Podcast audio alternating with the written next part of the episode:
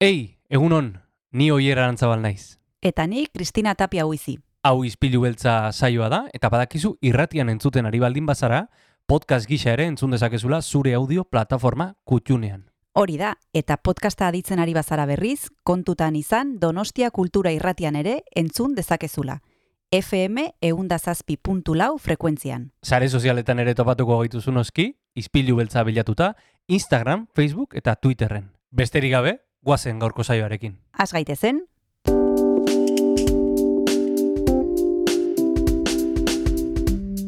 Ispilu beltza. Donostiako kulturaren berri, Oyer Arantzabal eta Kristina Tapia buizirekin. Egun honen zule, ustailako goita zazpi ditu, asteazkena da, eta gaurko saioa bete-betea dator, hemen Donostia Kultura Irratia. Ispilu beltzean gaude, eta ispilu beltzean beti gaude, Kristina eta biok. Egun honen, Kristina. egun ono oier zer moduz azken aste hontan ja indarrak hartzeko gogoarekin, ez da?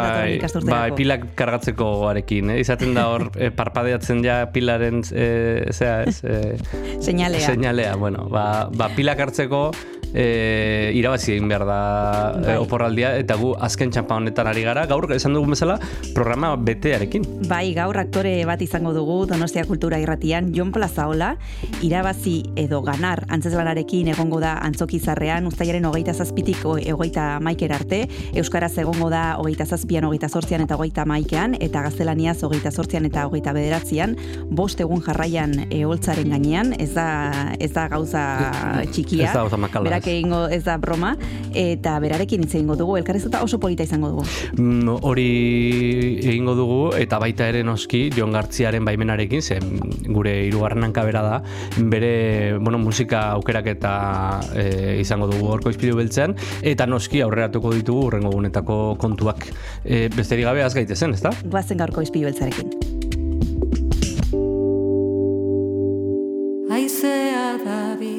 Aste arteari heltzeragoaz, Olatz Zugasti artistaren Oi Amaiur kantuarekin. murmurioa da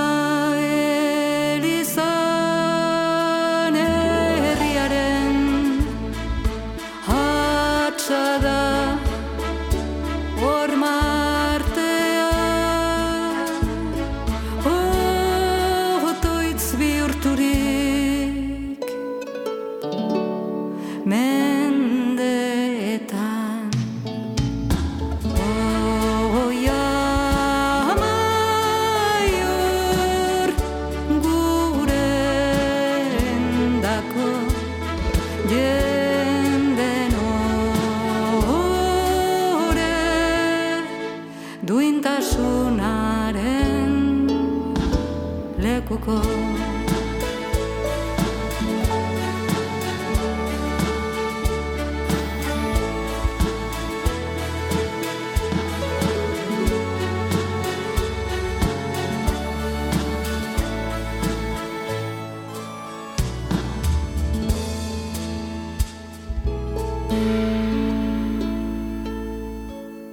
Izpiak dira sartzen. Gogo askea Dute man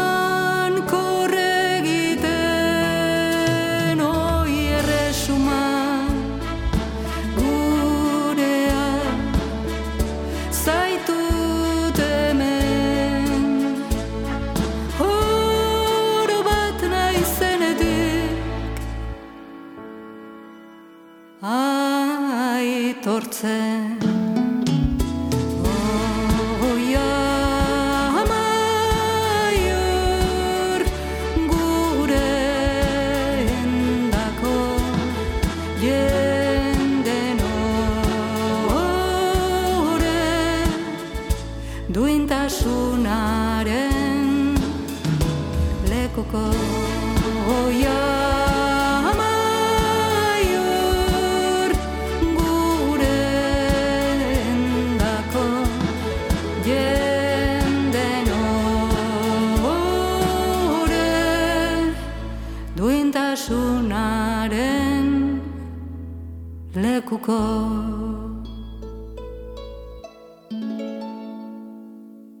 Gaur aktore batekin hitz egingo dugu hemen izpilu beltzan Donostia Kultura Irratian bos egun egongo da antzokizarrean irabazi ganar antzeslanarekin uztailaren hogeita zazpitik hogeita maiker arte. Egunon Jon Plaza, hola, zer mogu zaude? Kaixo, Kristina, egunon, hemendik dana ondo, zuek ondo? Ondo, zurekin hitz egiteko gogoarekin, normalean aktorekin hitz egiten dugunean ez dituzte hainbeste emanaldi e, ematen, e, bueno, Donostian da guk hemen gehien bat hitz egiten dugu Donostiari buruz eta zu kasu hontan irabazi ganarrekin antzokizarrean egongo zara bost egun, e, hiru egun euskeraz eta bi gaztelaniaz. E, nolakoa da hainbeste egun jarraian egotea holtzaren gainean, Jon? Bueno, ba, sorteko ani, ez? Sorteko ani, nire, nire kutxunenetako batean, ba, hainbeste egun segidan, e, ba, hainbeste aprezio dioten e, emanaldi batekin e, egotearena, ez? E, esan nahi dute, e, egon izan, noain dela bi ugara, okeraz manago, irabazirekin momentu oso ba, berezi batean, ez? E, danok e, konfinamentu hartatik e, gutxi gora bera atera berri, edo bila bete pasatxo zirenean, ba, olatu famatu aiek lehenengo bigarren, hirugarren olatuak e, talka intziunean, gainean dan hori, eta, eta azkeneko momentu arte ere, ba, hoxe, ez, e, jakin gabe, emanaldiak e, normaltasunez e, emanal izango genitun, edo, edo zeo ze pasatuko zan, azkenen oso oso oroitzapen ona daukat egun haietaz, 2000 eta hogeiko udara hartako emanaldietaz, zantxe bertan gaina e, zean antzokizarrean, eta bueno, ba, berriz ere bueltatzean ezako hori handia da eta privilegio handia da. Hainbeste emanaldiekin, gaina bai euskeraz eta bai erderaz, Eta, bueno, ba, ikus dezagunea, ea nola enatuten duen e, ikuslegoak, espero, e, ba, lehenengo aldi hartako ba, harrera berdina izatea, eta, eta bueno, ba, dana ondo ateratzea. eta Aimanaldi pilo bat eman dituzue, duela bi urtekoa gogoratu duzu donostian, baina gero Euskal Herrian ere beste antzoki pila batzutan egontzarete. Norbaiteko oraindik ez badu ikusi irabagazi ganar, e, ze kontatuko zenioke, gehiegi kontatu gabe ere, zein da sinopsia, antzeslan honen sinopsia? Bueno, lehen da bizi, bakarrizketa dala, eta ez e, bakarrizketa, ba, e, deno, ez dakit ba, ez, stand-up comedy formatu hortatik Bai. pixka bat, ateratzen den bakarrizketa. Bai. E, antzes lana da, izan ere, bakarrizketa da, bani bakarrik nagolako hori lehenengo gauza. Ba, bestalde batetik, ba, bueno, badelako ba, humorez e, egindako bakarrizketa bat, baina hausnarketak, hau, askotan esaten dugu, ez? Baina kasu honetan, hausnarketak e, leku, leku berezia daukana. E, batez ere, irabaziren pixkat funtsa, izango litzateke, e, ba, planteatzea jendeari, askotan gure elmugak eta gure ambizioak e, bueno, haien bila joaten garela askotan eta denbora asko eta indarra asko e, ba, jartzen dugula haien bila joateko baina benetan gero e, bila joatzen hori aurkitutakoan e, zoriontasuna ere aurkitzen dugu edo zoriontasuna eta bizitzea ja igual bigarren e, maila batean utzi ditugu e, aspirazio pertsonaletan edo e, sartzeagatik, ez? Eta gainera, e, kontatzen pixka bat, e, mm, gizarteak eta bizitzak nola eramaten gaituen bata bestearekin e, konpetitzera etengabe. Eta batzutan e, edo zer balio dula norberaren e, eta aspirazio horiek e, lortzeko, ezta? Hmm. Bai, izan ere, esplikatzen duzue, irabazi edo hil, momenturen batean e, azalean agertzen da, e, eskurriaren azalean irabazi edo hil. Ez? E, oso esaldi gogorra da, baina azten bazara pentsatzen, e, ia bizitza guztian e, horretan gabiltza. Ematen du, e, lehiaketa batean gaudela zuk esplikatu duzun bezala, bai lanean, bai eremu pertsonalean, bai hainbat kontukin, eta ematen du, ba, hori, e, ezinean gabiltza, gauza baten bila, baino gero batzutan ba, bidean pasatzen dugu ba, denbora pila bat urteak agian eta bueno, gero emaitza ez dakite hain ona den edo espero genuena lortzen dugun. Bai, eta gainera, e, hori bera, ez, e, oso ondo azaldu duzu, eta gainera hor bidea e, aipatu duzu, eta bidean askotan e, topatzen ditugun gauze harreta oso gutxi jartzen diegu, eta gero e, alperrikakoa da, eta mutze da, ze bizitza bakarra dago, eta ezin gara e, atzera bueltatu, e, ba, nola baite era batera egin genituen gauza batzuk, ba, beste era batera egitera, ez, egitako eginda dago, eta eta hortaz eh, jabetu bergea.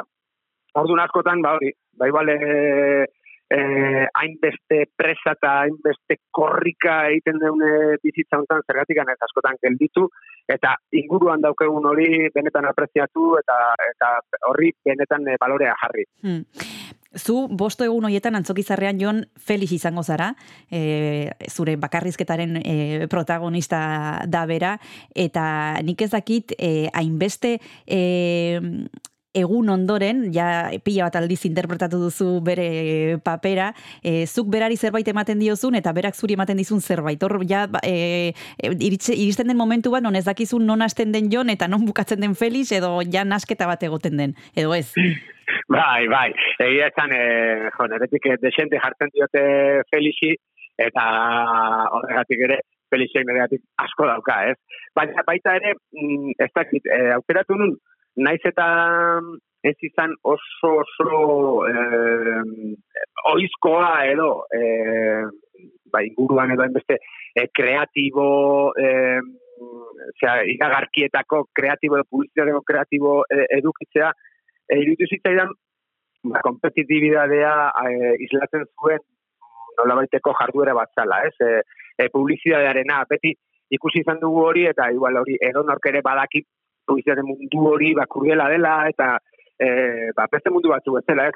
E, adibidez gurea ere, e, aktore mundua ere, ba, bueno, kompetitibidadean sartu-sartua dago, ez dakite e, modeloen mundua ere askotan ikusi dugu, ez? E, ba, burruka hortan sartua, eta nik ere aukeratu nun publizista bat, e, dagoena gau horretan e, zera, izendatuta e, sari baterako.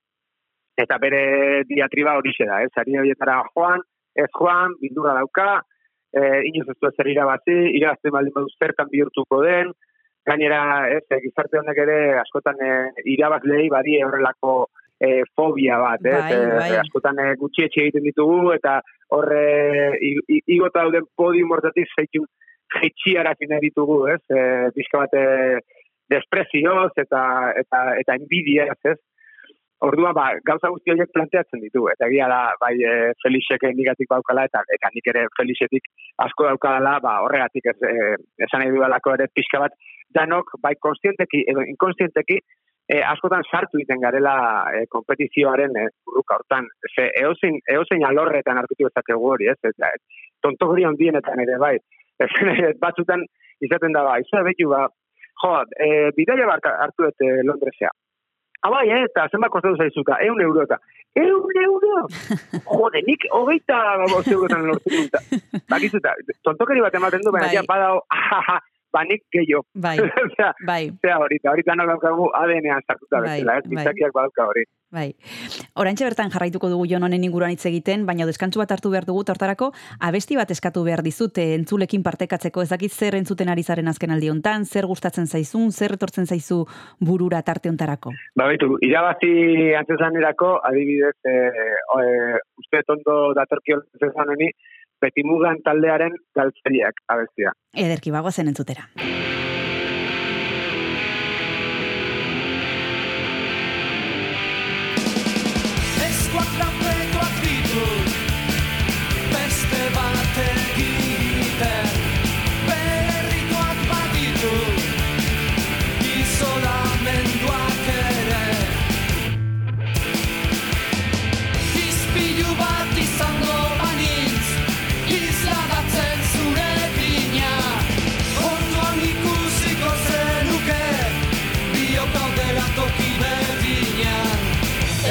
Ezin dut onartu Gizartenen histeria Norte Montrek izendatu gaitu. Norte Montrek izendatu gaitu. Galtzaileak, galtzaileak. Galtzaileak, galtzaileak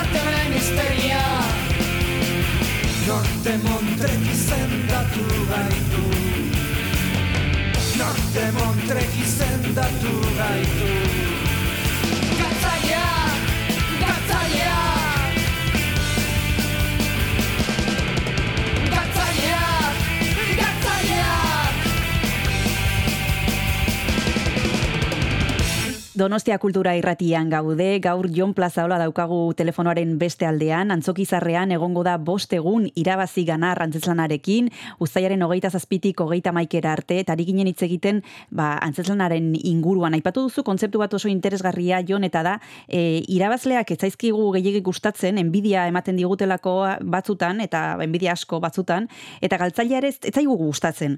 Ordun e, nahiago dugu norbait egotea hor e, erdian, ez, ez duna gehiagi ez da ere, ez, e, destakatzen, ez goitik eta ez, ez, ez azpitik. Bai, eta egia da, e, antzeslanean zer ere ipatzen dela, ez? Irabazlek e, enbidia ematen digutela, eta galtzaileek berriz konsueloa, nola bait, ez? Eta e, ez ezkigula gustatzen hori erlatiboa da, ze e, pertsonak ere badauka beste e, puntu horrelako mm, ilun bat, dana mm, normalean ondo oroitzen zaigu gu baina aukerra daun jendea. Horre, horregatik bakarrik, ez gu baina aukerra dagoelako.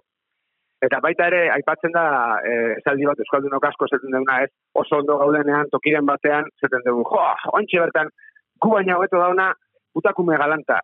Ez, bueno, zentratu gaitezen, gu ondo egoten, ba, ez, kezkatu gabe, Bai. e, e, be- beste bat gu baina hobeto ote dagoen, ez, esan ere, ze, gauza bat da empatia, eta empatizatzea, ba, gaizki pasatzen ari jendearekin, edo, bueno, eukitzea, e, beste batzuen larruan jartzeko e, zea hori, ez, e, kapazidade hori, ze hori uste dut, e, azkenean empatia dela e, izarteak e, asko behar duen zerbait, eta zoritxarrez, ba, gehiagi, gehiagi, egunotan behintzat e, ez daukaguna, ez, e, e, ni uste dano gaudela nola bait edo mm, eramaten gaituzela e, aurrera egiteak, horrik egitea, ba, astoak eta zaldia bezala, zeak, e, ia, ia, itxu itxuan e, aurrera jotzea, eta ezkera da gelditzen e, besteak e, e, nola dauden, edo zer sentitzen duten e, jakitera.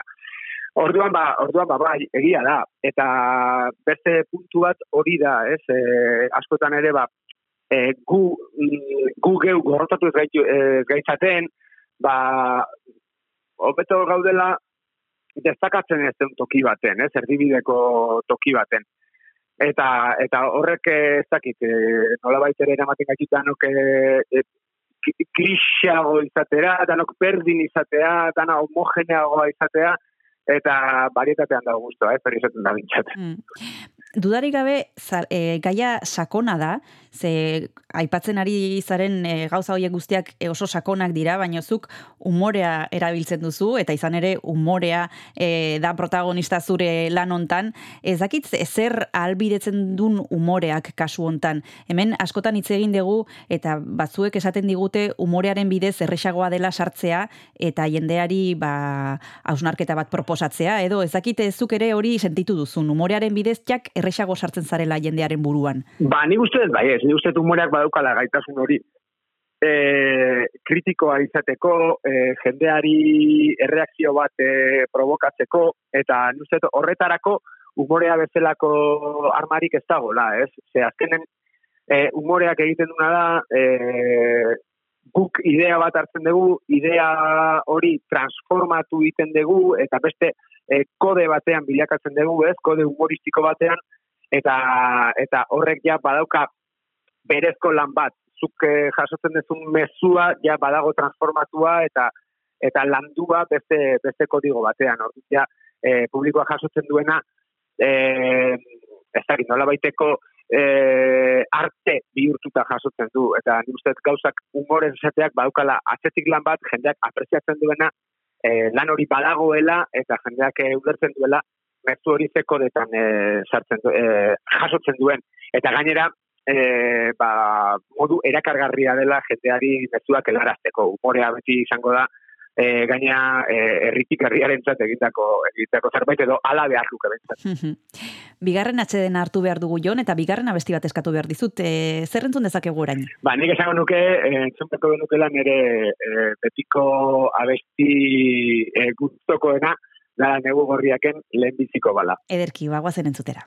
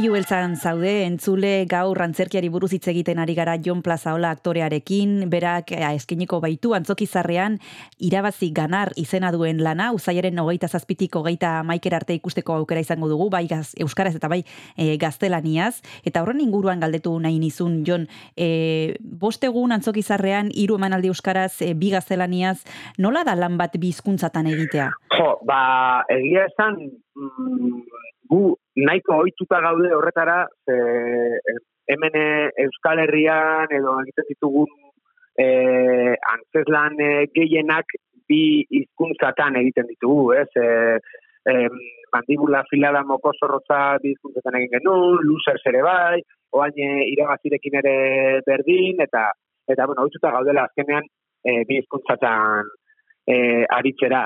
Eta egia esan, jo, horrek ere, ematzen digu, denoi horrelako habilidade bat, eta eta testuak eta atzerako orduan ere, ba, bueno, erreztasun bat, ez? Ze, lehi, de, kanpotik ikusita noski, jendeare, jendeari atentzioa ditzen dio, ez? Nei, Hmm. adibidez, de lankideek ba, Euskal Herritik kanpora, Madrilen eta bar, Bai. bai. baina nola, nola, nola bi hizkuntzatan, ez, ez dut ulertzen, eta zenzu, bai, bai.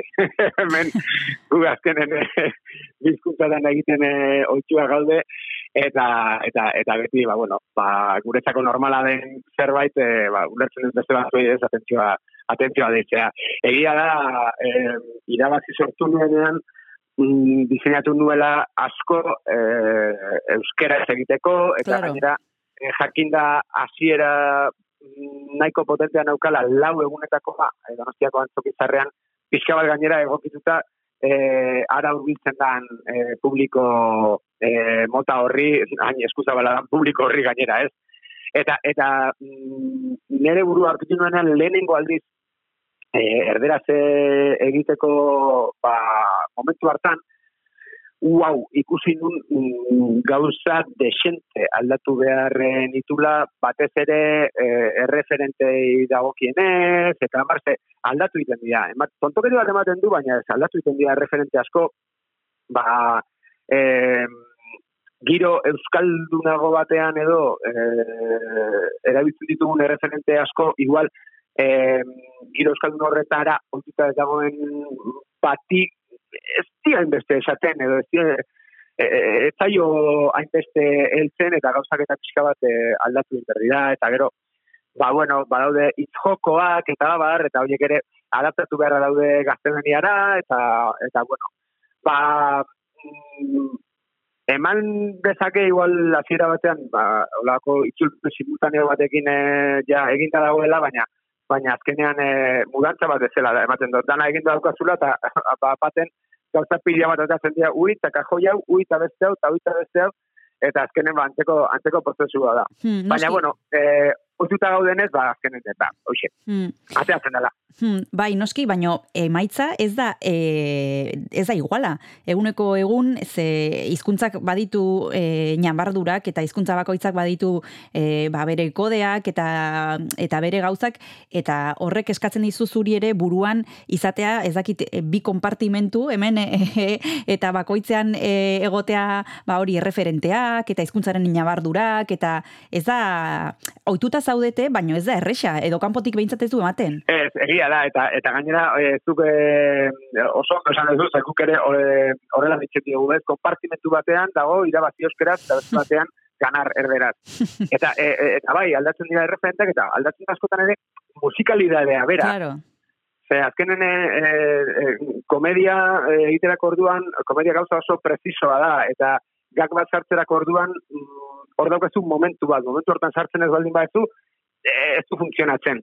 Eta hortan e, metrikak, erritmoak, musikalidadeak, e, ba, zer esan asko dauka. Eta aldatu iten da, noski, euskeratik erderara. Askotan, ba, ba, ba zeak esaldiak berak egiteko eh, ba, dinamika eta eta eta estruktura ere aldatu iten delako. Eta batzutan eh, hitz klabe bat euskeraz hasieran joan daiteke eta erderaz esaldiaren bukaeran errematea emanez. Orduan moldatu inber dira, ba, erremateak eta nahi baldin baitu zuitz horrekin eman, ba, bueno, ba, ba, ba, adaptatzeko, bai, bai. Ai- Hasieran aipatu didazu pikin bat Jon e, eta e, harrera oso ona izan duzu proiektu honikein berriro itzuliko zara Donostira e, jendeak zer esaten dizu e, ikusi duenak antzeslana zer esaten dizu reflejatuta sentitzen dira e, irri egiten dute gelditzen dira e, pentsatzen eta pentsakor ateratzen direnean antzokitik Ba, denetik pixkat, bai. E, egia esan, jo, mm, ni asko emozionatu naiz eh, lan honekin, eta batez ere e, oso gertuko jendek zer reakzio izan duen e, lan honekin, ez, e, nire e, lagun honetako batek, e, kuadrilako batek, e, esan zian, e, inoiz, bakizu ez, hemen, ba, Oix, inoiz ez erroparitzen ez duen horietako batek esan zian, jon, inoiz intezun gauza ikearrena, da, jode, a ver, eskerrik asko, eta, eta, eta etxekoak eta ere, ba, ba baita ez, ba, unkitut pare bai, e, esaten dien gauzekin, eta, jo, ba, e, tolosen genunen ere, e, Joseba Usabia gaundiak berak ere esan zian, buh, zenbat egi, zenbat egi, eta, bueno, ba, orduan, e, egia esan e, horrek eh, indarra ematen dit, eta, eta bueno, ba, azaltzen dit, eh, funtzionatzen dula, eta eta hortik ere nire buruan, beti, beti, beti, beti, engo dan arren e, zeo zer ajustatzeke, zeo zer hobetzeke, ba, bueno, badagola ba, lehen gai, lehen gai on bat, eta, eta, eta hori pixka bat gehiago landuz ere, ba, ba, azten jarraitu, jarraitu daitekela. Mhm. Ikusten dugunez, irabazi ganarrekin lana ez zaizu faltako, behintzatu da hontan, baina ez dakit beste proiekturen bat daukazun esku artean, urte hontarako, zerbaitetan ari zareten e, pentsatzen. Bai, bai, noski, noski. Oentxe bertan e, bukatu berri dute amar telesaia, aurreko ostegunean bukatu genuen, eta larun batean e, bertan estrenatu du e, un Oscar para Oscar izeneko antzeslan bat, guain udaran Madriden izango bera antzeslan horrekin, eta irabazi ganarreko konpartimentua seitun atera berko den, beriako gaita zazpin donostin egoteko, bai. Oso ondo. Ba, guk e, uztailaren e, hogeita zazpitiko hogeita maikera arte ikusteko aukera izango dugu, zure lana, irabazi ganar, norbaitek ez bazuen ikusi duela bi urte.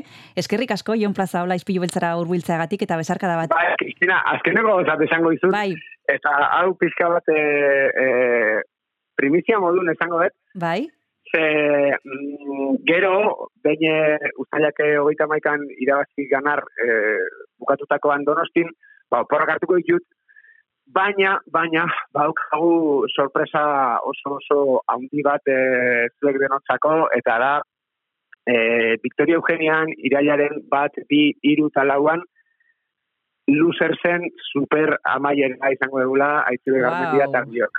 Wow. Orduan, eh, bai, leio politia dela hau, Jo, eh, esateko, eta, eta bai, ikusi genuen, eh, bueno, jire bukaera edo, ba, oso, oso, oso potentea izan zala, Hmm. eta eh, txalo produkturarekin berarekin erabaki genuen, eh, honei horrelako mm, bukaera superpotente bat ematea, eta Victoria Eugenia neongo bera, irailak bat bi, iru eta lauan aitziber eta bilok eh, loser zei, merezi, merezi ben bukaera emateko. Bueno, ikusten dugunagatik, Jon, zu donostira etortzen zara lau egun edo zara etortzen. Ez, bai, bai, bai, ala izaten lau egun, bost egun. Hemen hitz egiten dugunean jendearekin normalean bat, agian bi eman aldi, baina bueno, zurea ja, vamos, alfombra gorria daukazu hemen Donostia kulturan, eta primizia polita eman diguzu, e, Aitziber Garmendiarekin losers e, aukera, ikusteko aukera izango dugu, iraiaren batean, bian, iruan, edo lauan, edo ir, lau, lau momentutan norbaitek nahi badu lauetara joan, e, hori ja, norberaren esku.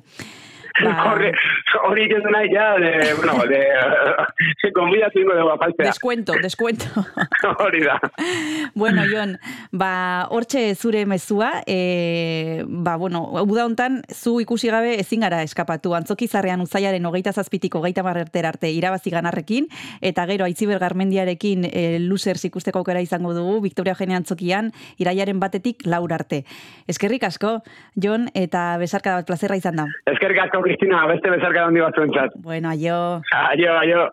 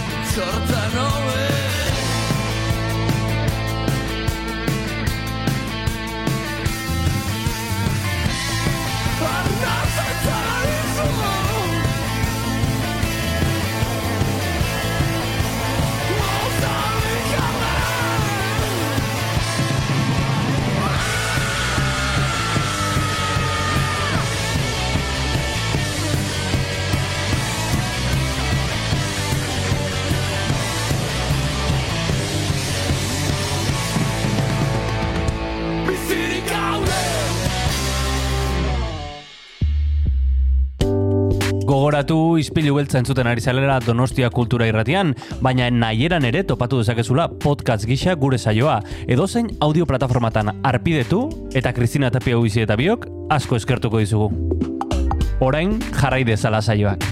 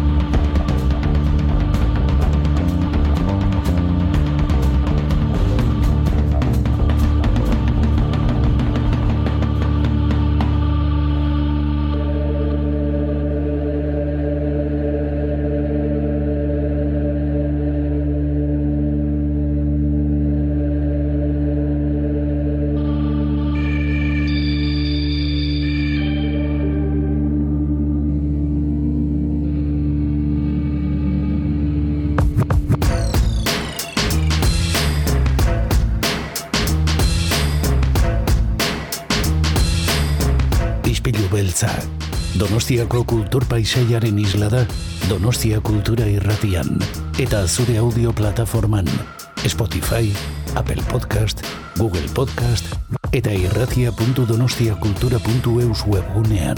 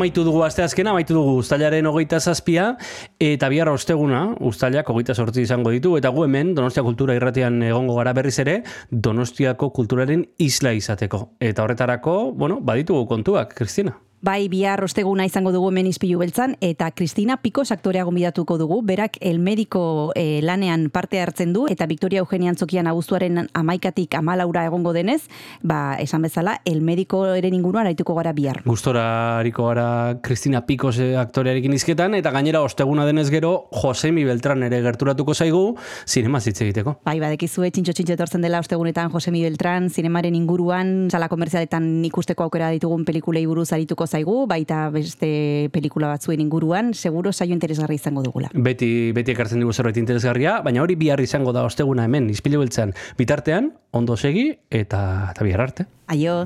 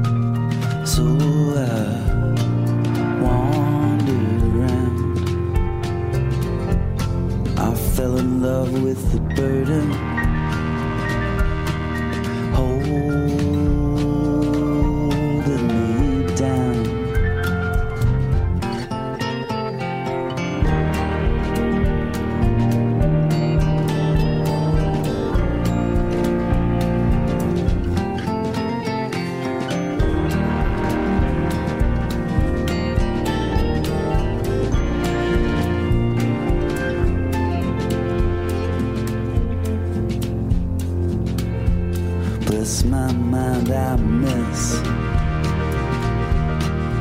being told how to live. What I learned without knowing.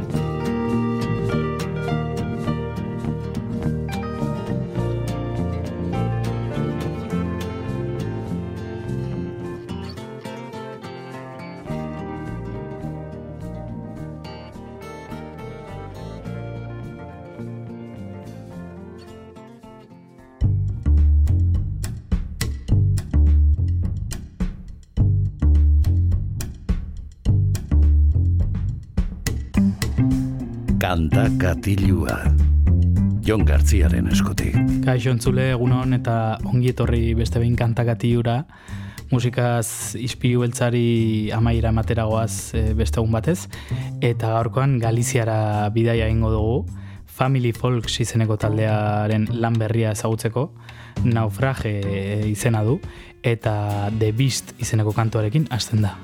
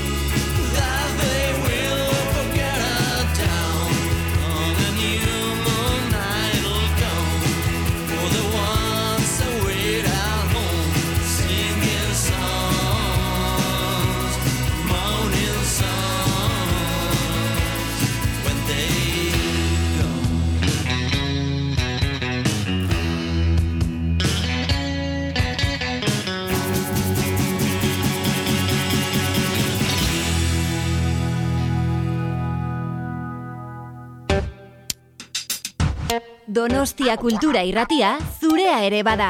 Zatoz eta parte hartu. We met again like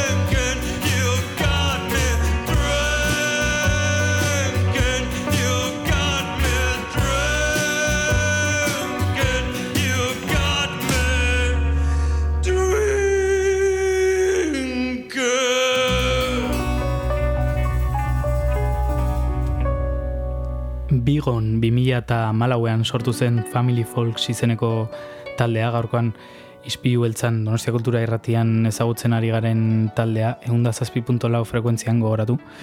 Eta tira, e, folka eta kontria rockarekin nasten dituen taldea da. E, goazen ezagutzera diskoari tituloa ematen dion kantua hause da Naufrage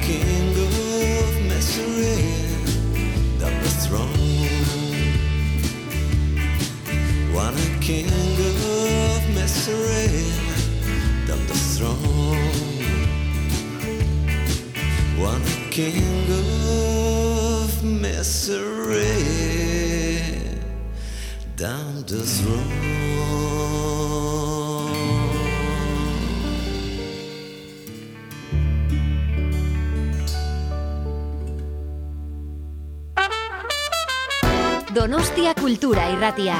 Eun eta zazpi puntu lau.